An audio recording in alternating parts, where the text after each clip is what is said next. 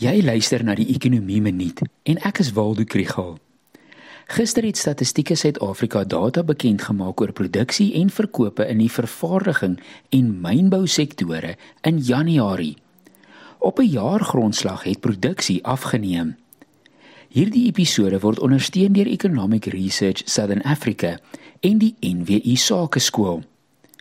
Produksie in die vervaardigingssektor was in Januarie 3,7% laer as 'n jaar gelede. Dit was veral die produksie van petroleum en chemiese produkte, motorvoertuie en onderdele en basiese yster, staal en metaalprodukte wat ingekrimp het. Hoewel die inkrimping kleiner is as die 5,1% daling wat ontleeders voorspel het, is dit groot genoeg om die eerste kwartaal se ekonomiese groei syfers te beïnvloed. Produksie in die mynbousektor het vir die 12de maand in 'n ry ingekrimp in vergelyking met die vorige jaar.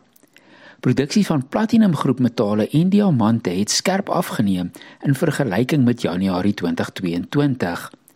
Die produksie van ystererts en steenkool het wel toegeneem. Albei die bedrywe dra die gevolge van die agteruitgang van Eskom en Transnet. Maar daar is hier en daar strooihalmplanne wat dalk net 'n verskil kan maak.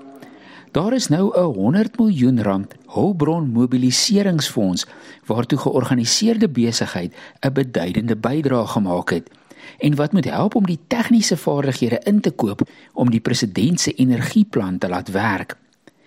Transnet gaan 'n 20 jaar konsessie gee vir 'n privaat operateur om die Johannesburg-Durban vragroete te laat werk.